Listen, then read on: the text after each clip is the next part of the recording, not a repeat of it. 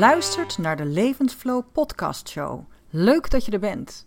Mijn naam is Frederika. Ik ben psycholoog, coach en onderneemster. En mijn intentie met deze podcast is om jou te inspireren meer uit jezelf en je leven te halen. Ik neem je mee in ervaringen, ontdekkingen en verwonderingen over het leven. Mooie verhalen, grappige anekdotes, sprankelende interviews en wijze levenslessen. Ik wens je veel luisterplezier. Inspiratie, motivatie, fun, flow. De Levensflow Podcast Show. Welkom bij deze tweede aflevering van de Levensflow Podcast Show. Ik heb ontzettend leuke reacties op mijn eerste Levensflow Podcast Show over vrij zijn, vrijheid, vrijheid in ons hoofd gehad. En dat sterkte mij alleen maar meer en maakte me enthousiast om een tweede aflevering voor jullie op te gaan nemen. En in deze tweede aflevering gaan we het hebben over, ga ik het hebben over burn-out, stress en burn-out. En ik ga het daarover hebben om, omdat ik er veel kennis over heb, omdat ik in mijn praktijk veel mensen zie die te maken hebben met stressklachten en burn-out klachten. En omdat het een fenomeen is wat we in de huidige tijd ontzettend veel voorbij zien komen. Er is nog nooit zoveel ziekteverzuim geweest door psychische klachten. En, en, en psychische klachten komt met name voort uit uh, stressklachten, burn-out klachten. Dus ik wilde heel graag vandaag met jullie naar gaan kijken. En daar meer over gaan delen over waarom ik denk of waarom het zo is dat we tegenwoordig zoveel stressklachten ervaren.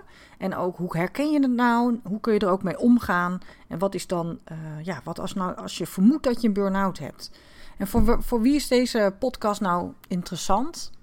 Nou, het is sowieso als jij dat bij jezelf herkent interessant. Als je, als je het vermoeden hebt dat je zelf met of tegen een burn-out aanloopt of als je al in een burn-out zit.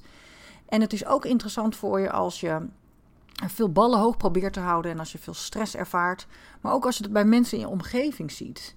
Misschien ben je wel een HR-manager of een leidinggevende en zit je te luisteren en denk je: wacht eens even, dit is dus wat in onze organisatie heel veel speelt. Of dit is wat ik bij mijn partners zie gebeuren. Of dit is wat ik bij uh, vrienden of uh, vriendinnen in mijn omgeving zie gebeuren. Of familieleden. Het is een heel bekend fenomeen natuurlijk, burn-out. Iedereen weet inmiddels wel wat het is. Maar de diagnose wordt ook wel vrij makkelijk gesteld. En dat bedoel ik niet zozeer door de mensen die ervoor geleerd hebben of die uh, die diagnose mogen stellen. Zoals huisartsen of bedrijfsartsen of psychologen. Maar ook door mensen zelf of door vrienden. Ik maak dat in mijn praktijk ook wel mee. Dat mensen zeggen: Ik heb een burn-out. Maar dan eigenlijk niet op grond van um, deskundigen die diagnose gesteld hebben. Dus mocht je nou herkenning vinden in het verhaal van vandaag. Zoek dan contact met je huisarts of een psycholoog. Of je mag ook contact met mij opnemen. Maar ga niet zelf die diagnose stellen. Um, nou, eerst eens wat over de stress in de huidige tijd. Als je, uh, als je kijkt eigenlijk naar de, e-, het evolutionaire proces van de mens en kijkt naar het ontstaan van de wereld en de miljarden jaren die daar overheen gegaan zijn voordat we gekomen zijn waar we nu zijn. Als je kijkt naar hoe lang de wereld al bestaat, en, uh, van op het moment dat de Big Bang heeft plaatsgevonden en waar we nu zijn, er zijn miljarden jaren overheen gegaan. En in die miljarden jaren zijn er allerlei ontwikkelingen geweest. Hè. Dat er, was ook heel lang niks gebeurd. En miljarden jaren dat er niks gebeurde. En dat er dan weer zo'n eencellige, daar begon het mee, dat er dan volgens ja, wat amoebes ontstonden. En dat werd dan een vis en later dinosaurussen. Maar daar ging heel veel tijd overheen. En op een gegeven moment ontstond natuurlijk de aap en vandaar de mens.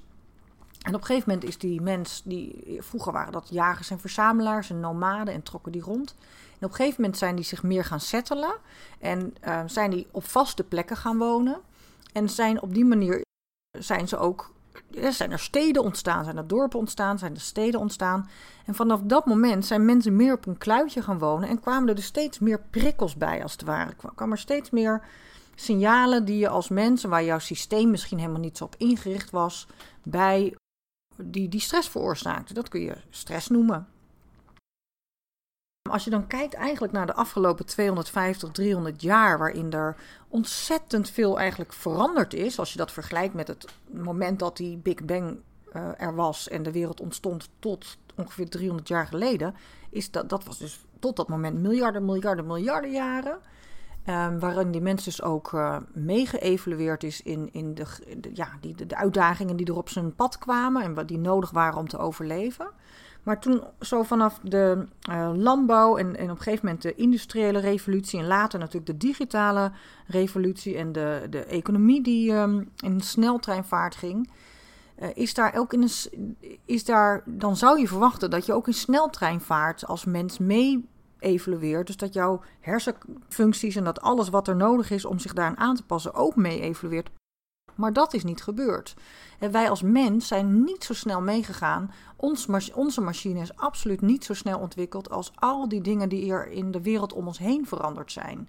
Dus vanaf het moment dat er een, dat er een stoomtrein ontstond, auto's kwamen, dat er, dat er mobieltjes ontstonden, computers, noem het allemaal op. En dat het gevolg daarvan is, en meteen ook het gevaar wilde ik zeggen, maar het gevolg daarvan is, is dat ons huidige stresssysteem nog steeds hetzelfde stresssysteem is als miljarden jaren geleden. Of nou ja, toen een mens net bestond. Iets geëvalueerd wellicht, maar lang niet zoveel geëvalueerd als we eigenlijk nodig zouden hebben. Dus wat gebeurt er? Wij hebben met ons eigenlijk heel verouderde stresssysteem proberen wij al die indrukken die er in ons huidige leven zijn te verwerken. al die, die, die, die, appjes, die, die geluidjes die binnenkomen, de mailtjes die binnenkomen, de snelheid waarin er gewerkt wordt. Ik heb wel eens na zitten denken van, ik had de laatste, zat ik erover na te denken van, ja jeetje, mijn vader die uh, uh, was organisatieadviseur. En die werkte dan bij een bedrijf. Ik, moet aan denken, omdat mij, ik heb laatst met mijn broer uh, het huis van mijn vader leeggehaald. Want die is een paar jaar geleden overleden. En ik kwam al zijn rapporten tegen. Want hij moest als organisatieadviseur allemaal rapporten schrijven. Vanaf ongeveer het moment dat hij daar begonnen was. Er lagen echt rapporten van ouder dan 1975. Lagen, had hij bewaard. En toen dacht ik, ja jeetje, hoe ging dat vroeger eigenlijk dan? Toen er nog geen computers waren. Ja, dan ging je dus. Uh, en nog geen mobiele telefoons. En nog geen e-mail. Nou, er waren natuurlijk wel gewone telefoons. Nou, ik stel me dan helemaal voor dat mijn vader zat daar dan op zijn bureau. En die, die, um, nou, die was dan in overleg waarschijnlijk met collega's of klanten. En dan ging hij zijn plannetje uitwerken. Nou, zodra dat dan uitgewerkt was, dan werd dat uitgewerkt op uh, papier. Of, of uitgetypt door de secretaresse. En dat ging dan per post waarschijnlijk naar de opdrachtgever. Dus nou ja, op het moment dat dat op de post zat, ja, dan, dan, dan ging je misschien weer naar een ander project hoor. Dat zou zomaar goed kunnen. Maar er was veel meer tijd tussen het een en het ander. En nu is het één druk op de knop en dan heeft je opdrachtgever binnen een uur kan die bij wijze van spreken feedback geven op jouw rapport en kan je alweer verder um, met, de, met de aanpassingen. Maar dat betekent wel dat je continu onder druk staat en dat er ook van ons verwacht wordt dat we continu maar bezig zijn. Dat er eigenlijk geen lummeltijd meer is. Dat er geen tijd is om eventjes achterover te leunen. En uh, wat mijn vader dan vroeger deed, sigaretje roken. Dat uh, zou ik zeker niet aanraden. Maar die tijd om even bij te komen, om even iets anders te doen, die bestaat tegenwoordig niet meer. Omdat er zoveel contactmogelijkheden zijn en er is eigenlijk bijna geen mogelijkheid meer om geen contact te hebben, geen verbinding te hebben. Als je tegenwoordig een appje verstuurt, dan, ik betrap mezelf er ook op, dan kan je al zien of iemand het ontvangen heeft en gelezen heeft. Nou ja, en als het gelezen is, dan verwacht je toch al minimaal diezelfde dag en liefst nog binnen het uur een antwoord. Dat maakt het dat wij ons veel meer gestrest voelen. Want ons systeem kan daar dus eigenlijk helemaal niet mee dealen. Dus dat is een heel. Ik vind dat zo'n interessant fenomeen. Dat, je, dat wij met z'n allen. Um, we, we, we, streven vooruitgang na. We willen graag dat het allemaal beter en, en, meer wordt. En op zich zijn er natuurlijk ook heel veel voordelen aan al die vooruitgang. Het is ook helemaal niet gezegd dat het helemaal verkeerd is. We willen dat graag. Maar we zijn met z'n allen ook een wereld gaan creëren waarin dat normaal is en de norm is gaan worden, zonder ons af te vragen of we daar eigenlijk wel zo heel goed mee om kunnen gaan. En nu blijkt dat we daar eigenlijk helemaal niet zo heel goed mee om kunnen gaan. Want heel veel mensen vallen om en heel veel mensen weten niet meer wat ze willen. En heel veel mensen zijn alleen nog maar naar buiten aan het kijken, naar die buitenwereld, wat er allemaal gebeurt en wat er allemaal gedaan wordt en hoe je daar het beste in mee kan draaien. En, en mensen halen ook hun normen en waarden uit die buitenwereld. Ik, ik zeg wel eens van je staat je staat hier en je kijkt continu eigenlijk naar wat er om je heen gebeurt en daar reageer je op. Je bent alleen nog een soort van reagerende robot op wat er om je heen gebeurt. En is misschien een beetje onaardig gezegd, maar het is even om te illustreren en duidelijk te maken hoe heel veel mensen inmiddels in het leven staan. Dat we maar reageren op al die prikkels die er op ons afkomen. En ergens proberen we er ons ook nog voor te beschermen, want we vinden het allemaal heel ingewikkeld en we, we, we, we weten dat het niet goed voor ons is en we trekken het ook eigenlijk niet. En waar ik voor zou willen pleiten, en dat heeft ook uh, uh, te maken met hè, de burn-out en dat met name ook uit een burn-out komen of voorkomen. Waar ik voor zou willen pleiten is dat we weer teruggaan naar onszelf. En ik weet niet of het weer is, maar wel, dat is wel wat we nodig hebben. Dat we teruggaan naar onszelf. En dat, dat is best een opgave, want heel veel mensen weten eigenlijk niet zo precies wie ze zelf zijn.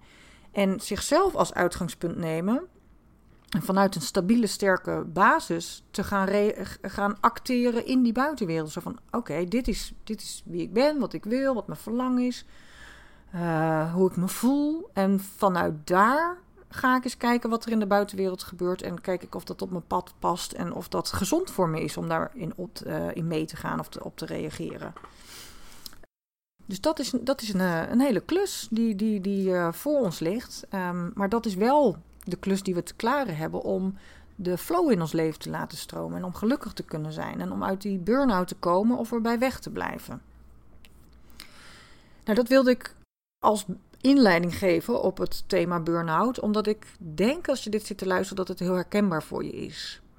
En uh, misschien ben je al zover dat je in die burn-out zit.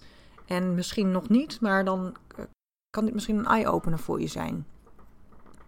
Nou, om eens dan naar die uh, burn-out te gaan, naar die, hoe ziet dat er dan precies uit? Hè? Wanneer is iets een burn-out? En bij een burn-out zijn eigenlijk drie componenten heel belangrijk. En dat zijn het gevoel dat je uitgeput bent, dat je echt het gevoel van opgebrand, dat je s ochtends je bed niet meer uit wilt, dat je te moe bent om uh, ja, nog leuke dingen te doen. Dat je s'avonds uitgeput uit je werk komt, als je überhaupt nog aan het werk bent. Nou, een tweede belangrijke belangrijk component is depersonalisatie, zoals ze dat heel mooi noemen, of distantie. Het houdt eigenlijk zoveel in als dat je je niet meer echt betrokken voelt bij je werk. Dat je allemaal niet meer zoveel kan schelen. Of dat je er eigenlijk, misschien werk je wel met mensen en, en heb je eigenlijk niet meer zo'n zin om die mensen te zien of te helpen of voor die klas te staan. Of, en het kan ook zijn als je niet met mensen werkt, maar dat je, dat je werk je eigenlijk niet meer zo boeit. Dat je echt denkt, ja, waar doe ik dit eigenlijk voor? Hoe belangrijk is het? Dat ik uh, de jaarcijfers uh, van uh, mijn bedrijf bereken. Ik noem maar een voorbeeld. Dus dat je er eigenlijk helemaal niet zoveel meer, niet zo in geloof meer, dat het niet meer zoveel nut voor je heeft. En de derde component is dat je jezelf minder bekwaam acht. Dus dat je het gevoel hebt dat je eigenlijk je werk niet meer zo goed kan. Dat je het idee hebt dat je, dat je faalt. Of dat, je, ja, dat jij misschien niet meer de aangewezen persoon bent. Of dat je het idee hebt dat anderen het beter doen. En dat het ook verminderd is. Hè? Dus dat je eerst daar veel meer geloof in had, maar dat het verminderd is. Dus die drie componenten zijn heel belangrijk uh, bij een burn-out. Um, en de signalen waaraan je kunt herkennen dat je wellicht een burn-out hebt of dat je uh, erop afstevend. En nogmaals, het is niet zo dat als jij nu al die signalen herkent of een aantal ervan, dat jij zelf die diagnose kan stellen. Maar het is wel, het, is wel een alarmbel die uh, mag gaan rinkelen op het moment dat je veel herkenning hierin vindt. En dan zou ik zeggen, trek aan de bel. Nou, lichamelijke signalen zijn verhoogde bloeddruk, hartslag, continu zo'n zo'n rush-gevoel, zo'n onrust van binnen, een, een, vol hoofd, veel piekeren, moeilijker kunnen concentreren, de focus niet kunnen houden, spierpijn of nekpijn of schouderpijn, darm- of maagklachten. Dat stress is een, die, die reageert heel snel, stress reageert heel snel op je, op je darmen en je maag. En, en veel minder zin hebben om dingen te ondernemen. Je hoort heel vaak dat mensen geen zin meer hebben om, om bijvoorbeeld met vrienden af te spreken. Of ze blijven maar gewoon lekker thuis. Of om gesprek te voeren. En psychische signalen die bij burn-outs naar voren komen of die herkenbaar zijn, is dat je veel korter lontje hebt. Dus dat je sneller geïrriteerd bent, dat je sneller uit je slof schiet. Dat je uh, je minder goed kan concentreren, dat je minder goed kan, dingen kan onthouden. Dat je veel besluitelozer bent. Dat je vaak angstig bent. Dat je dingen die je vroeger wel durfde, nu eigenlijk niet goed meer durft. En er zijn ook mensen die echt paniekaanvallen uh, rapporteren. Of... Uh, somberheid kan erbij komen. Uh, verminderd zelfvertrouwen. Je hoort veel mensen die veel onzekerder zijn. En ook wel wantrouwen. Wantrouwen naar de wereld of andere mensen. Het kan natuurlijk soms ook zijn dat er echt eh, conflict situaties op het werk zijn ontstaan, waardoor er ook minder vertrouwen is. Dat kan ook een uh, oorzaak zijn, of in ieder geval aanleiding tot het ontwikkelen van een burn-out. Nou, wat je veel, veel ziet bij mensen die een burn-out hebben, dat is eigenlijk kenmerkend uh, voor mensen met, met een burn-out, of die daar uh, op, op afstevenen, is dat ze in eerste instantie wel voelen dat het niet zo lekker gaat, maar hun klachten eigenlijk nog niet serieus nemen. En dat heeft er weer vaak mee te maken dat ze niet willen onderdoen aan collega's, of niet zwak willen zijn, of heel perfectionistisch zijn, of heel gedreven zijn en eigenlijk maar doordenderen. En mocht het zo zijn dat jij daar, je daar heel erg in herkent, dan is het belangrijk om op de rem te gaan staan. En mocht je al te ver zijn gegaan, dan, uh, nou ja, dan weet je waarschijnlijk van jezelf dat je, hè, dat je dat een tijd lang hebt ontkend. En dat je dacht dat je er nog wel door mee kon gaan, maar, mee door kon gaan, maar dat het, dat het nu echt te laat is. Veel mensen schamen zich er ook voor. Mensen die, juist doordat we zoveel druk uh, in deze maatschappij op elkaar leggen, eigenlijk om te presteren en het goed te doen. En dat is ook vaak wel wat je van veel mensen van hun ouders meekrijgen vinden we het heel lastig om toe te geven dat we iets niet kunnen. Want dat voelt als falen en dat willen we niet. We willen erbij horen, we willen sterk zijn, we willen presteren. En we durven daardoor eigenlijk niet de regie te nemen over ons eigen leven. Want we blijven maar doorgaan in wat verwacht wordt en hoe het hoort. Terwijl de daadwerkelijke regie nemen, of het durven, zou zijn om een grens te trekken, om op de rem te gaan staan. Ongeacht wat de buitenwereld daarvan vindt. Als je nou die signalen herkent en als je, of bij jezelf, maar het kan dus ook zijn bij iemand in je omgeving of bij een medewerker, wat kun je dan doen? En ik heb onlangs een, presentatie gegeven aan uh, medewerkers van de spoedeisende, van spoedeisende hulpen in Nederland, verschillende uh, ziekenhuizen. En daar heb ik ook deze presentatie gegeven over burn-out. En toen had ik als titel Burn-out, maak er een heisa van. En we zeggen natuurlijk altijd, oh, joh, maak er geen heisa van. Maar hier, maak er maar een heisa van. En die heisa staat voor herkennen van signalen, erkennen van signalen, in gesprek gaan, steun vragen of bieden en actie ondernemen. Dus maak er maar een heisa van. Op het moment dat jij bij jezelf deze symptomen herkent of bij iemand anders in je omgeving en je denkt, ja nee, het kan nog even door en dat uh, stelt hem niet zoveel voor, maak er maar een heisa van. Herken in eerste instantie die signalen van die ik net noemde. Van, oh ja, nou die herken ik bij mezelf. Dan komt eigenlijk twee, erkennen van signalen, de E van Heisa. Nog veel belangrijker, erken dat er een probleem is. Erken dat je klachten hebt. Dat het niet oké is. Dat het, dat het niet de bedoeling is dat je met buikpijn in je, uh, naar je werk gaat. Dat je concentratieproblemen hebt. Dat je je terugtrekt. Dat je geen zin meer hebt. Dat je jezelf verwijten maakt. Erken dat het niet normaal is en dat het niet de bedoeling is. Dus erken die signalen. Het volgende is: ga met iemand praten. Ga in gesprek. De I van in gesprek gaan. Ga in gesprek met je leidinggevende. Ga in gesprek met een goede vriend of vriendin. Ga in gesprek met je partner. Ga in gesprek met de huisarts. Ga in gesprek met een psycholoog. Ga in gesprek met een coach. Praat erover. Blijf er niet alleen mee zitten. Als jij degene bent die het herkent bij een ander, ga, het gesprek maar aan. Zeg van, joh, ik, ik zie dat eigenlijk, volgens mij gaat het niet zo lekker met je. Zeg niet van, ik denk dat je een burn-out hebt, maar vraag maar gewoon. Volgens mij gaat het niet zo lekker met je. En dan komt er vanzelf wel een gesprek op gang. En dan de volgende, de S van steun bieden of steun vragen. Het is niet zwak om steun te vragen. Het is niet zwak om je kwetsbaar te tonen. Het is juist verdomde sterk dat je dat doet. Want op het moment dat je het niet doet dan, uh, en ermee doorloopt, dan pas ontstaat er echt een probleem. Want op een gegeven moment kun je misschien je bed niet meer uitkomen en kun je helemaal niets meer. Dus hoe sterk is het dan dat jij op tijd aan de bel trekt en steun gaat vragen? Of dat je steun gaat bieden. Misschien vind je het wel, zie je wel mensen worstelen. En denk ja, wie ben ik om me ermee te bemoeien? Of... En een steun bieden kan op allerlei manieren. Hè? Dat kan door vragen te stellen of met iemand te praten. Maar dat kan ook door uh, taken over te nemen. Of door iemand te ontlasten. Of door nou ja, iemand eens een keer een avondje mee te nemen de kroeg in. Of, of naar de bioscoop. Of weet ik wat je kan verzinnen. Of lekker het bos in. Lekker te wandelen om oh, eventjes tot rust te komen. En dan de laatste is um, actie ondernemen.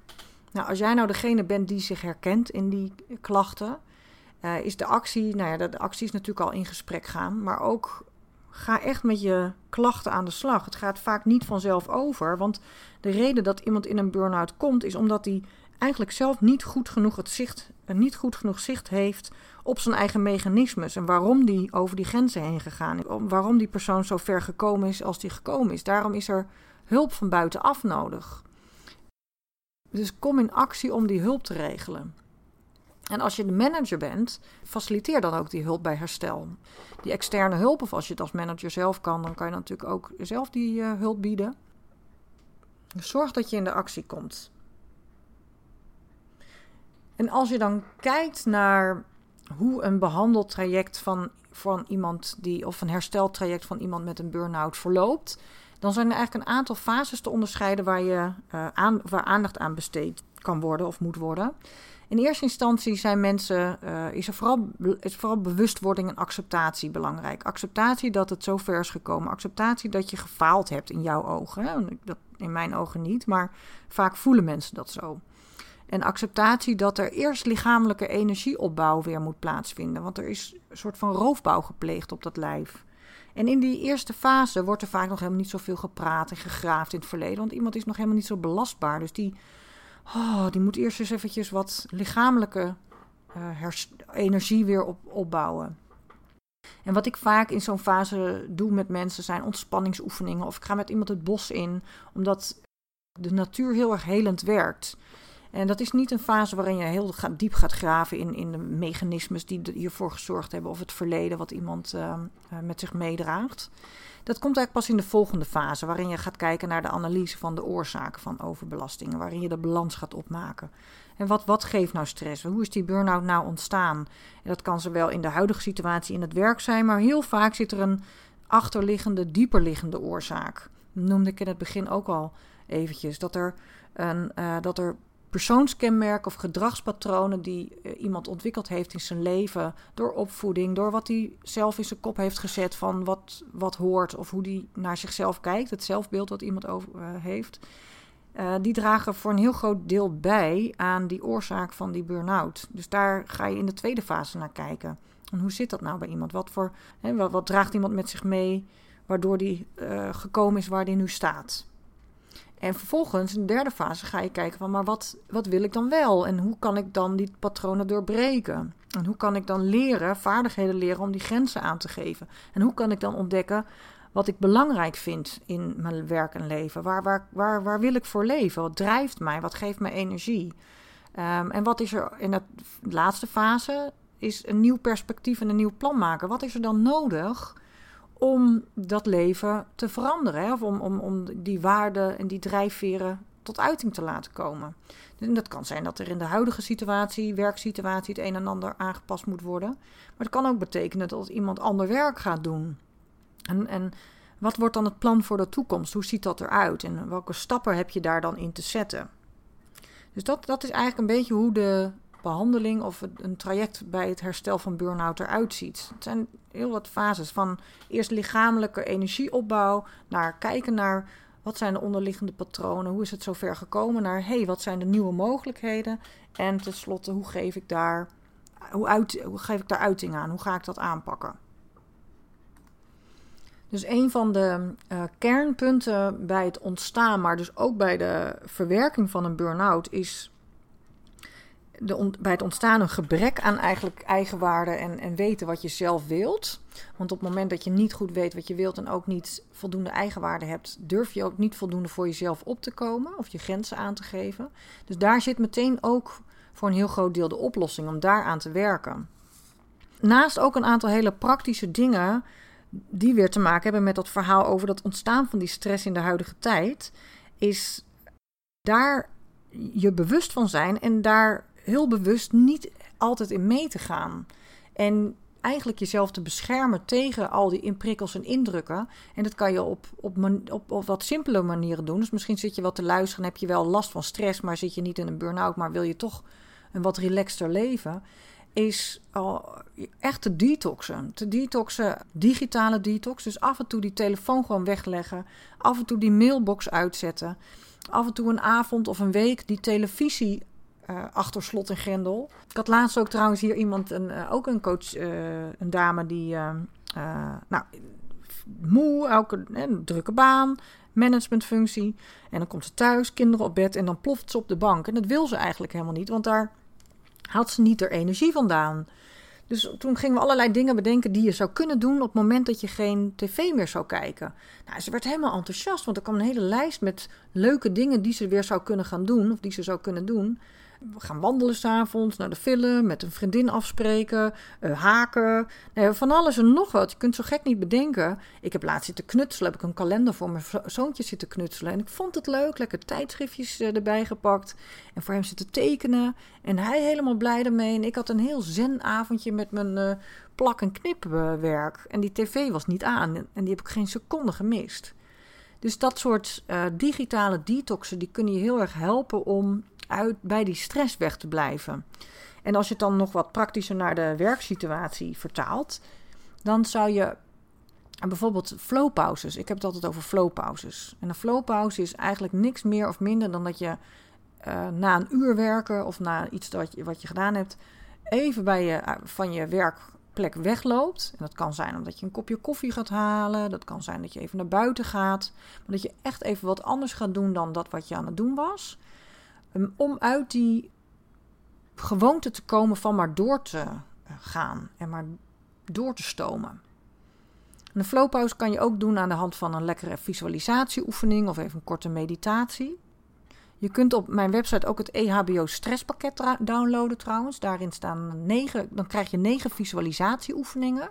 Die allemaal helpen om je stress te verminderen. En er zitten korte visualisatieoefeningen bij. Van, om de dag goed te beginnen. Maar ook bijvoorbeeld zo'n flowpauze te hebben. Tot wat langere uh, oefeningen waarbij je wat meer gaat inzoomen op uh, echte ontspanning. Dus uh, als je dat leuk vindt, dan kun je die downloaden op mijn website. Het zijn gewoon gratis. EHBO stresspakket. En wat ook heel helend werkt, en dat kan je ook gewoon allemaal zelf doen, is de natuur ingaan. Als je veel stress ervaart en veel onrust in je lijf, en zeker als je in de stad woont, ga af en toe lekker naar buiten. Ga een uur wandelen. Ga de duinen in. Ga naar het strand. Ga de bossen in. Het helpt zo erg om te verstillen en om echt bewust in die natuur te zijn. Ik doe zelf ook wandelcoaching. En het geeft echt een magisch uh, effect als je met iemand naar buiten gaat, de natuur ingaat. En volgende week, vrijdag 7 september, geef ik ook een inspiratiewandeling in de Kennemerduinen.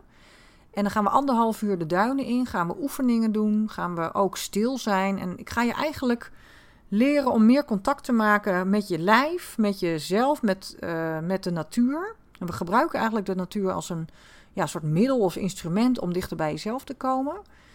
Uh, je gaat eigenlijk met een soort ja, vraag waar je op dat moment mee loopt. Het kan iets groot zijn, het kan iets klein zijn, maar iets waar je op dat moment mee worstelt. Waarvan je denkt, nou, hier kan ik wel wat, uh, even wat aandacht voor uh, aan geven.